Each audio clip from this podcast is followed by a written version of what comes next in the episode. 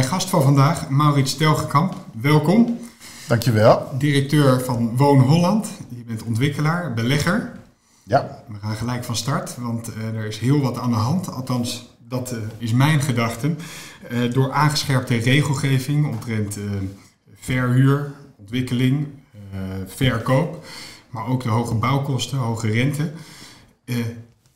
is dit een uitzonderlijke situatie wat, er, wat we nu zien? Mm, nee, we hebben het eerder meegemaakt dat we een een gespannen uh, koopmarkt was in uh, eind jaren 70, begin jaren 80. Daar is toen de, de rente sterk gestegen. En toen is de markt uh, eigenlijk snel bekoeld. En sterker nog, er waren flinke prijsdalingen waren er toen. Rentes liepen op tot 8 tot zelfs 10 procent. En, daar zijn we nu nog niet. Daar zijn we nu nog niet. Ik hoop het niet. Nee, en, nee, nee. Gaan, we daar, gaan we daar naartoe, verwacht je? Nee, ik verwacht het eerlijk gezegd niet. Nee. Uh, de inflatie moet zeker beperkt worden. De inflatie is nu hoog, maar de inflatie komt vooral door uh, stijgende energieprijzen. En, uh, maar ook door een, een, grote vraag in de markt, een beperkt aanbod. En dat ja. brengt inflatie met zich mee. En die vraag in de markt, ehm, waar heeft dat mee te maken? Is het de manier van hoe wij tegenwoordig willen wonen, dat dat, dat, dat zoveel druk geeft op de markt? Nee, ik denk dat er gewoon een uh, beperkt aantal beschikbare woningen zijn. Maar voornamelijk heeft de prijs uh, voor, voor de woningmarkt komt vooral uit een lage rente. En lage rente betekent dat mensen met relatief beperkt huisvestingslasten toch eigenlijk een, een dure woning kunnen kopen. Dus daarom uh, willen veel mensen een woning kopen en uh, tegen lage lasten. Nou, dan is het wel begrijpelijk dat, uh, dat de prijzen omhoog gaan eigenlijk. Want ja, als je tot vorig jaar anderhalf procent rente betaalt over je hypotheek, dat is natuurlijk heel erg weinig voor een 20 jaar vaste hypotheek. En nu is dat wel heel anders. Nu is dat bijna 2,5 keer zo hoog. Dus ja, en daarmee gaat gewoon de, de woningmarkt afgekoeld worden. Denk je ook dat dat uh, straks voor een hoop mensen die een uh, hypotheek hebben afgesloten op 2,5%, dat dat enorme problemen gaat opleveren? Nee, ik denk het niet. Ik geloof dat wij. Uh, ik hoorde vanochtend uh, Klaas Knot vertellen, dat is de president van de Nederlandse Bank, ja. dat de gemiddelde hypotheek vaste periode 16,8 jaar is. Oh, dus we hebben nog even. die mensen hebben nog ja. even, inderdaad. Niet gelijk uh, zwetend wakker s'nachts. Het... Nee, nee. De meeste mensen hebben uh, in ieder geval die afgelopen periode een hypotheek hebben afgesloten. Particulieren voor hun woonhuis. Die hebben dat voor een lange periode gedaan. Meestal 10 tot 20 jaar en soms zelfs 30 jaar. Je bent ontwikkelaar. Ja. En wat mij fascineert is dat um, jij verschillende monumentale panden hebt uh, gerenoveerd, getransformeerd. En ik ben een groentje nog in het vastgoed. Maar er is mij altijd verteld, monumentale panden, leuk, maar blijf er vanaf, want daar komt zoveel regelgeving bij kijken. Trekt jou dat juist aan of heb ik het volledig mis? Nou, um, wat ik het uh, leukste werk vind, en, of mijn, van mijn vakgebied en waar ik enthousiast over word, is dat er als er oude panden zijn die uh, in het binnenstedelijk gebied, wij doen dan vooral Randstad-omgeving, en als er binnenstedelijk of binnen een dorp um, gebouwen zijn die eigenlijk opnieuw wakker gekust moeten worden. En die, Mooi gezegd. Uh, ja, nou, dat zijn, vaak hebben ze een uh, economische leeftijd hebben ze bereikt of uh, technische levensduur bereikt. En dan wil je eigenlijk dat die panden opnieuw een leven krijgen omdat ze namelijk ehm, deel uitmaken van de binnenstedelijke omgeving. En die binnenstedelijke omgeving wil je graag een hoge kwaliteit geven. En is het natuurlijk een, ja, ik vind het gewoon een eer als we dan aan zo'n pand mogen uh, rekenen. Als we creatief mee kunnen omgaan, dat we het pand kunnen, uh, een andere functie kunnen geven. Dat het pand gewoon weer uh, 50 tot 100 jaar meegaat. En dat ze met zo'n nieuwe functie, ja, dat het pand ook weer in gebruik wordt genomen. En in plaats van dat het leeg staat of half leeg staat. Exact. Dat vind ik heel erg jammer. Dus, het, de uitstraling heeft het nog steeds. Daarom is het ja, monumentaal. Ja, dus Mooi om daar nieuw leven in te blazen. Ja, of dat het een beschermd dorps- of stadsgezicht is. Het maakt deel, van de binnenstedelijke, deel uit van de binnenstedelijke omgeving. En daarom vind ik dat heel erg leuk en uitdagend werk. Omdat ik dat een... Uh, ja, je, je, brengt weer delen van het dorp of een stad weer terug in het leven. En uh, dat er weer een nieuwe functie in is. En de mensen willen daar ook heel graag wonen in ja. een binnenstedelijke omgeving. En zeker als het een beetje een bijzonder pand is. En klopt het dan ook dat je met heel veel dingen rekening moet houden? Anders dan bij een normale woning een normaal gebouw wat je transformeert? Ja, mm, In principe heb je 90% heb je hetzelfde uh, wet en regelgeving. En daar moet je gewoon aan voldoen. En wat er nu is, dat je bij een monumentaal gebouw, dat er natuurlijk ook de monumentencommissie komt meekijken van de stad. of ze komen uit Zeist, komen ze meekijken. En meestal heeft dat toch gewoon een positieve invloed op, dat, op het proces. Ja. Want je wil graag dat het pand een, de monumentale status blijft behouden. En dat, ehm, ehm, dat, er een, uh, dat er kwaliteit wordt uh, toegevoegd aan het pand. En dat het ook langer meegaat. En ik heb eigenlijk zelden een uh, negatieve invloed meegemaakt van, van zo'n monumentencommissie. Dus het is goed dat het er is, omdat je dan het pand wakker kust, zoals je dat zegt, voor langere tijd, in plaats van dat je na een aantal jaar weer aan de, aan de gang moet. Nou, dat is ook vaak gewoon de motivatie van de monumentencommissie, dat het pand gewoon langer termijn in gebruik blijft. En uh, dat het goed bewoond is of goed in gebruik is door, door, een, eh, door een kantoor of door een museum of door uh, woningen. En dat het pand in die gebruik is. En dat is denk ik de voornaamste reden dat uh, hoe, hoe je monumenten eigenlijk in leven houdt eigenlijk. Ja. Doordat je de binnenstedelijke omgeving in leven houdt, zeg maar. En dat is denk ik een uh, hartstikke leuke uitdaging. Dat doe ik graag. Daar ben ik enthousiast van. En dan krijg je de buurt waarschijnlijk ook uh, snel mee. Want die worden er enthousiast van. Dat er weer wat staat te gebeuren met een, uh, met een prachtig pand. Ja, tuurlijk. Ja, ja. dat is hartstikke leuk werk. En de, de, de angst voor een, om, om, van een monument af te blijven. Omdat er een monumentencommissie bij betrokken zou zijn. Nee, dat, dat, dat, dat heb ik niet zo ervaren. Nee, nee. Kan je mij eens meenemen in een ontwikkeling. Hoe gaat dat precies in zijn werk? Bijvoorbeeld als, het een, eh, als je helemaal vanaf scratch begint, of dat het een bestaand eh, pand is, een bestaand eh, kantoor, wat je mhm. transformeert, kan je mij eens meenemen. Wat, wat gebeurt er allemaal in die periode, die voorbereidingsperiode? Um, nou, we hebben een, een acquisitieteam. Dat acquisitieteam die hebben wij een aantal, die geven wij een aantal randvoorwaarden mee. Er moet een haalbaarheidsstudie gemaakt worden.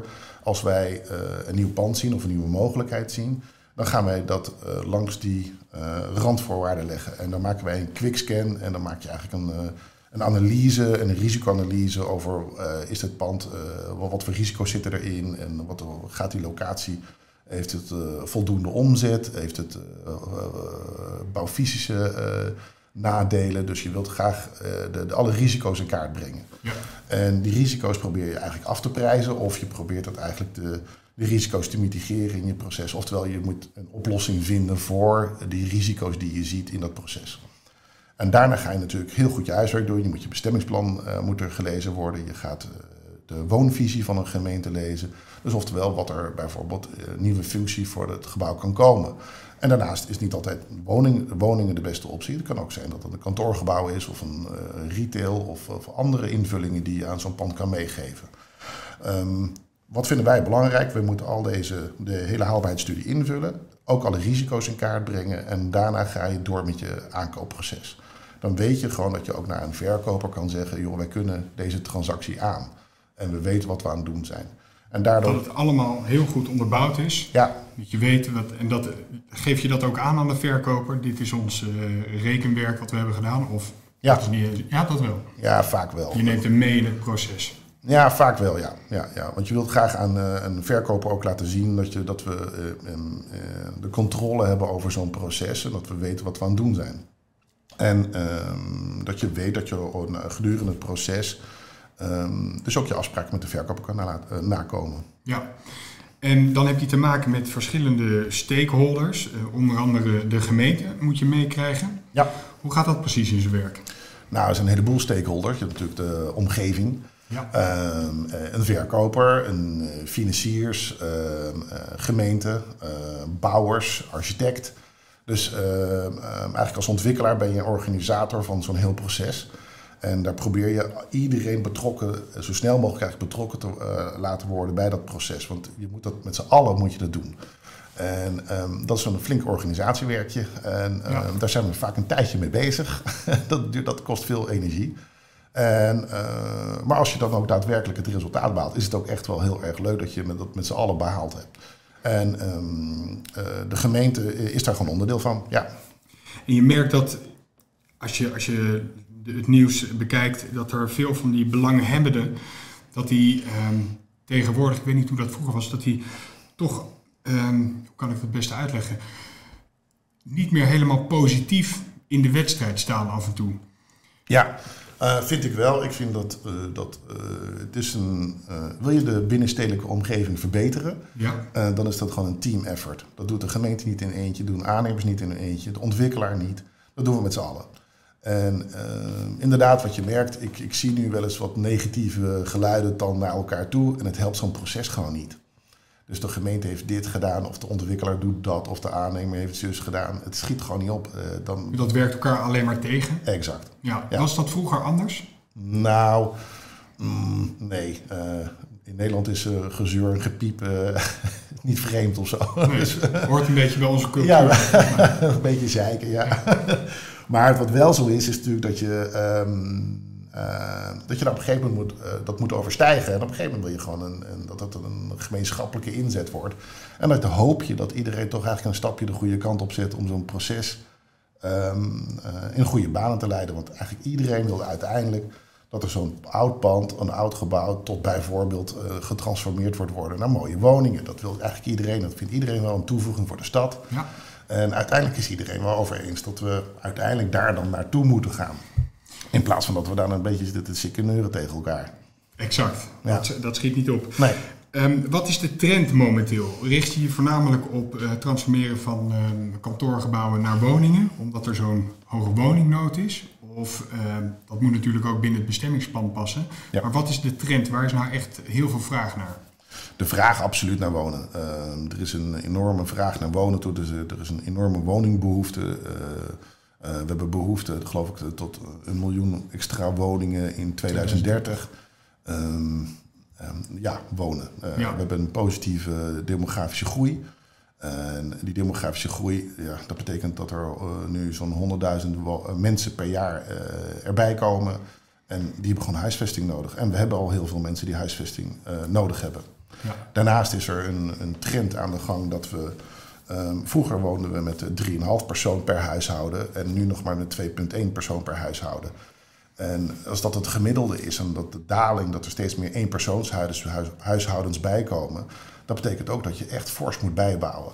Dus als iedereen langer alleen wil wonen of langer in zijn eigen woning blijft en weinig doorloop is, dan, dan heb je echt een probleem voor het aantal woningen wat we nodig hebben of wat, waar de behoefte aan is. Ja, dan is er de regelgeving dat er bijvoorbeeld niet meer gesplitst mag wonen, mag worden. En dan Mhm. heb ik het over bepaalde uh, steden zoals Utrecht, uh, Ja. Rotterdam, Den Haag en Ja. uh, Amsterdam.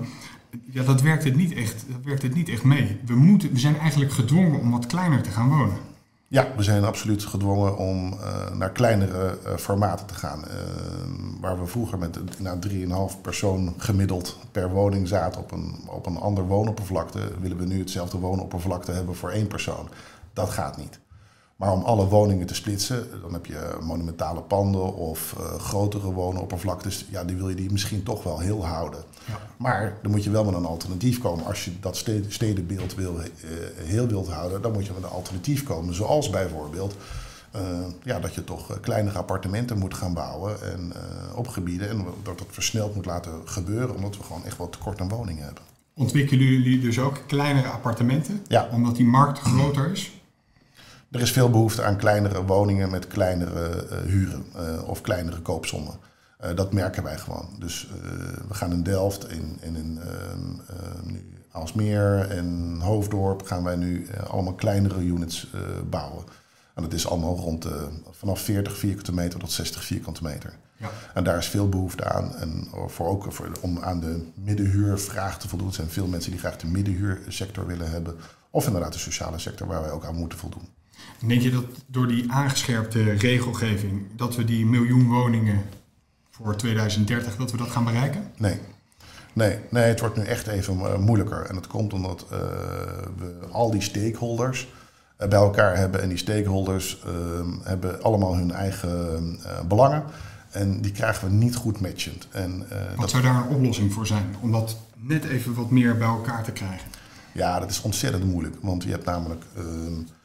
Um, bijvoorbeeld de stijgende rente. Dat betekent dat uh, beleggers die woningen kopen, verhuur, uh, bijvoorbeeld pensioenfondsen, die kopen uh, verhuurde woningcomplexen op. En als we die afgebouwd hebben, geven we die woningcomplexen, verkopen we bijvoorbeeld aan een pensioenfonds of een institutioneel, andere institutionele belegger. Die beleggers die hebben nu bij een stijgende rente ook alternatieve om wat uh, beleggingsproducten, andere assets. Zoals bijvoorbeeld een staatsobligatie wordt weer interessant. Of, of, um, zit minder risico aan? Zit dan minder risico aan. Dus dat wordt concurrerend met gewoon woningbouw. Ja. als een woningassetklasse. Nu hebben de pensioenfonds of institutionele beleggers graag meerdere klasses waar ze, assetklasses waar ze in willen beleggen. Dus ze willen spreiden, spreiden om het risico te beperken. Ja, maar er zijn voldoende fondsen die zeggen, nou, we kunnen hier geen geld meer opvinden of dat, eh, dat, dat wordt moeilijker. Dus uh, ja, stijgende rente is gewoon een probleem, krijgen we niet 1, 2, 3 weg. Dus uh, dat heeft echt een invloed op de uh, woningmarkt. Ja, maar dat is niet alleen in Nederland, dat is in verschillende andere landen. Ja. Ik denk dat het ook te maken heeft met die regelgeving die niet altijd heel erg duidelijk is of die juist de middenhuur gaat beperken. Ja. waardoor calculaties ja, niet uitkomen. Zie je dat ook? Dat in de markt de grotere ontwikkelaars zeggen, nou ik brand hier mijn handen niet aan, ik ga het uh, verder opzoeken? Nou, dat ligt vooral eigenlijk aan de onzekerheid. Dus uh, de onzekerheid over waar nou een huur naartoe gaat of wat, wat het rendement uiteindelijk wordt. Dus als ja. een, on, een, een uh, bijvoorbeeld dit kabinet graag iets wil doen over betaalbare huurwoning, is dat heel begrijpelijk. maar het, is het extra steentje weer, naast de hoge rente, dat je dat aan, als je aan die knop zit, dat beleggers toch meer um, risicomijdend zijn en misschien dan toch kiezen voor een andere assetklasse. Of, uh, dus ik maak me daar wel een beetje zorgen over, ja. Zeker ook in combinatie met een andere stakeholder, natuurlijk de aannemers, die hebben nu hele hoge bouwprijzen.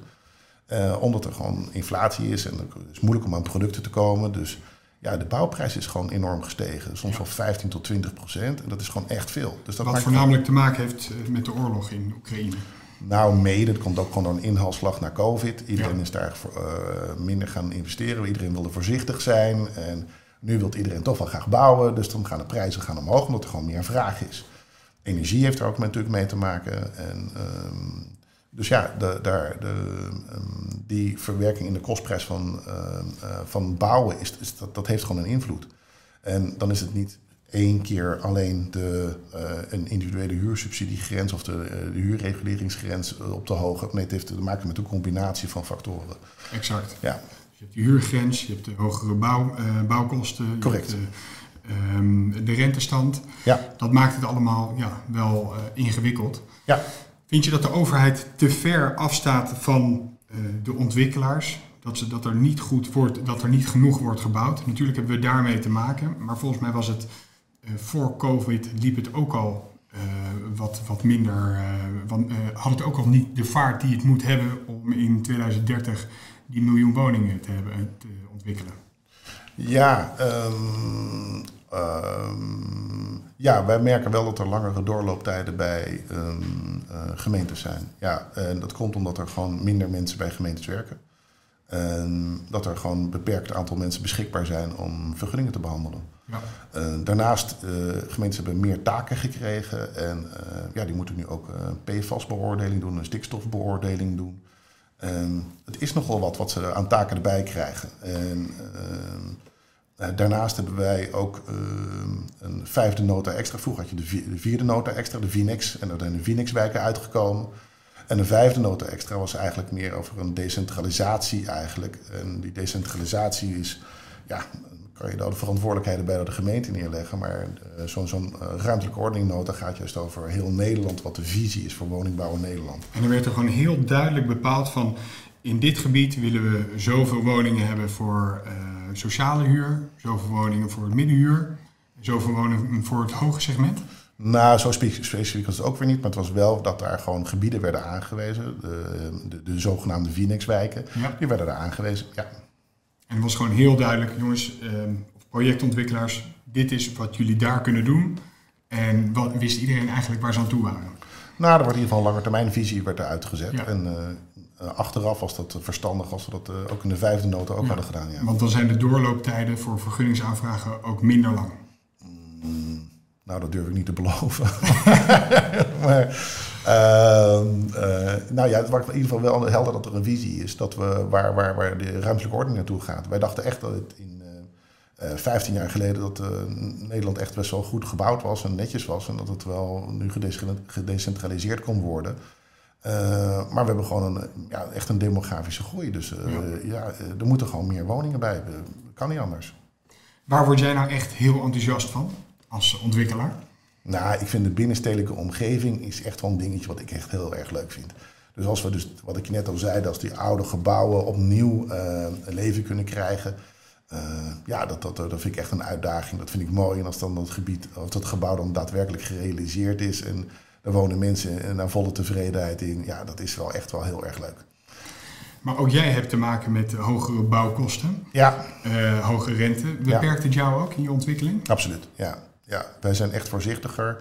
En uh, al deze maatregelen betekenen dat we eigenlijk, of de, de marktomstandigheden, uh, betekent dat we echt voorzichtiger zijn. En dat we nu inderdaad wel moeilijker kunnen beslissen voor de aankoop van een nieuwe locatie. Omdat we eigenlijk uh, met een hogere rente, beperking van de hoogte van de huur, hoge bouwkosten, um, extra regelgeving voor PFAS, voor, voor stikstof ben je gewoon voorzichtiger geworden. Ja, gaat dat dan uiteindelijk als eerst eigenlijk van de koopprijs van een plot of van een gebouw af? Ja. Want dat is eigenlijk, je moet het scherp of je moet het goed inkopen. Ja. Want als je te hoog inkoopt en je krijgt die kosten dan nog voor je kiezen. Ja, klopt. Dan kom je niet uit. Dus uiteindelijk merkt de, degene die het gebouw heeft of het plot, die merkt het als eerste dat uh, zijn prijzen gaan zakken. Nou, dat zijn, dat, dat zijn processen die lang duren. Dat, dan praat je over dat, dat die markt gaat zeker veranderen. Um, maar het is niet alleen dat alleen de prijs alles goed maakt. Het is ook natuurlijk gewoon de lengte van je proces in te schatten. En dus als je er vijf jaar mee bezig bent, heb je dan wel zin. Ook al krijg je er 10% korting op, of 20% korting. Als je er vijf jaar mee bezig bent met een project, of zeven jaar mee bezig, ja, wil je het dan eigenlijk wel hebben? Kan je je organisatie dan uh, daarop uh, op inzetten? En dat zijn voor ons uitdagingen, ja, die, dat zijn de, die wij in onze risicoanalyse ja. wel meenemen. Ja. Vijf tot zeven jaar, wat verdikken me, dat is best een, uh, een, lange tijd voor een ontwikkeling. Ja. Althans, wellicht is het gemiddeld, maar ik vind het best wel, je, je hebt met zoveel factoren dan te maken die je wellicht nog niet eens hebt kunnen meenemen in je risicoanalyse. Ja. Die gaandeweg op je pad komen. Ja, en ehm, je kan ontwikkelingen sneller doen, dan moeten ze goed binnen het bestemmingsplan passen. Zodra je eigenlijk buiten het bestemmingsplan past... Dan ga je een heel nieuw proces in. Dan ga je naar toch, ja, ik kom het weinig uh, snel tegen. Maar uh, nee, dat is. Dus mijn ervaring is eigenlijk dat je voordat je het helemaal gebouwd en af hebt en klaar hebt, is dat zomaar, kan dat zomaar ja, tussen de drie en zeven jaar plaatsvinden. drie jaar zit gewoon snel, maar mijn ervaring is meestal dat je gewoon langer bezig bent voordat het helemaal gebouw klaar is en de mensen erin wonen. En hoe ziet de toekomst van Woon Holland eruit voor de komende vijf jaar? Nou, wat wij ehm, de komende jaar qua aankopen zijn we voorzichtig. En zullen wij misschien wat meer in bestaand vastgoed naar kijken in, in, voor de uitbreiding van de portefeuille, maar niet zozeer grote of uh, grote ontwikkelingen. Daar zijn we echt wel voorzichtig in. En, um, en ja, natuurlijk vinden wij het nog steeds, de, de ambitie gaat niet weg of zo. Dus we vinden het nog steeds interessant om ons werk te blijven doen. Ja.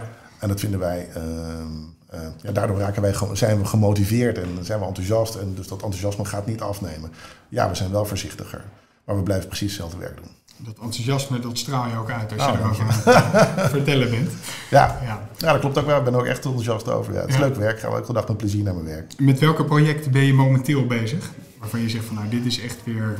Uh, fantastisch. Hier word ik zo enthousiast van dat we dit hebben kunnen doen. Of dat we dit kunnen doen. Mm, ja, we zijn in uh, een goede voorbereiding in Hoofddorp met twee oude, uh, sterk verouderde, leegstaande winkelpanden. En uh, dat zijn volumineuze detailhandel daar in de binnenstad van, van Hoofddorp. En dat zijn toch wel zaken die, die, die, wij echt wel heel interessant vinden. Dat vinden wij, ehm, vinden wij een heel mooi project. Daar worden wij heel blij van. We hebben net ehm, Waar ik heel blij van word, een monument in, um, gekocht in, um, in het centrum Delft. Met, en daar hebben we deels uh, transformatie en deels uh, maken we daar een nieuwe invulling voor de kantoren daar.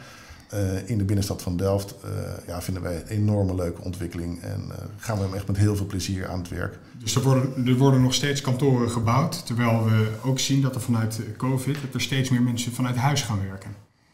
Wij merken dat de vraag naar kantoren gewoon goed is. Ja. Ja, ja, en we merken dat we, daar krijgen we gewoon nog steeds goede, we vuren gewoon goed aan kantoren. En, maar bijvoorbeeld leegstaande grotere winkels in binnenstad, dat, dat zien we dat die functie gewoon over is. En daar kunnen we kijken of we daar een kleine retailplint maken of een kleine winkelplint. En daar kunnen we dan 60 tot 80 woningen bij bouwen. In, in het, voor het hoofddorpvoorbeeld, zeg maar. Ja, precies. Dus dan hou je aan de voorkant, als ik het goed begrijp, hou je alsnog retail. En aan de achterkant ontwikkel je woningen. Ja, omdat je dan daar de. je houdt het winkelstraat, straatbeeld wil je graag gelijk houden. Alleen vroeger waren het hele diepe winkels over twee verdiepingen bijvoorbeeld. En in dit geval dan. En, en nu zeg je van, nou ja, die, die, die eerste verdieping, winkelverdieping, ja, dat, dat wordt echt niet meer gebruikt. En zo'n hele diepe winkel ook niet meer. Dan kan je beter daar een andere functie voor geven. En het is ook weer goed voor de reuring binnen zo'n winkelstraat, want er komen meer mensen aan de achterkant te wonen. Ja, dat is heel vaak. We hebben en, uh, overigens door heel Europa heen uh, vaak uh, projecten gehad over wonen boven winkels. En het is bij vele gemeenten dat wilden dat heel graag hebben, omdat we alleen maar winkelstrips hadden en daarboven was het vaak leegstaande panden in de kernwinkelstraten. En wil je een bewoonde binnenstad hebben, ja, dan wil je graag dat er boven uh, woningen worden ontwikkeld. Ja, exact. Ja, dus ik denk dat het heel goed voor het centrum is als daar gewoon ook gewoond wordt. Leuk. Dankjewel ja. voor je komst vandaag. Oh, nou, graag. En ik ben heel benieuwd naar je volgende projecten. Nou, hartstikke goed. Kom het graag vertellen. Cool. Dankjewel, man. Dankjewel.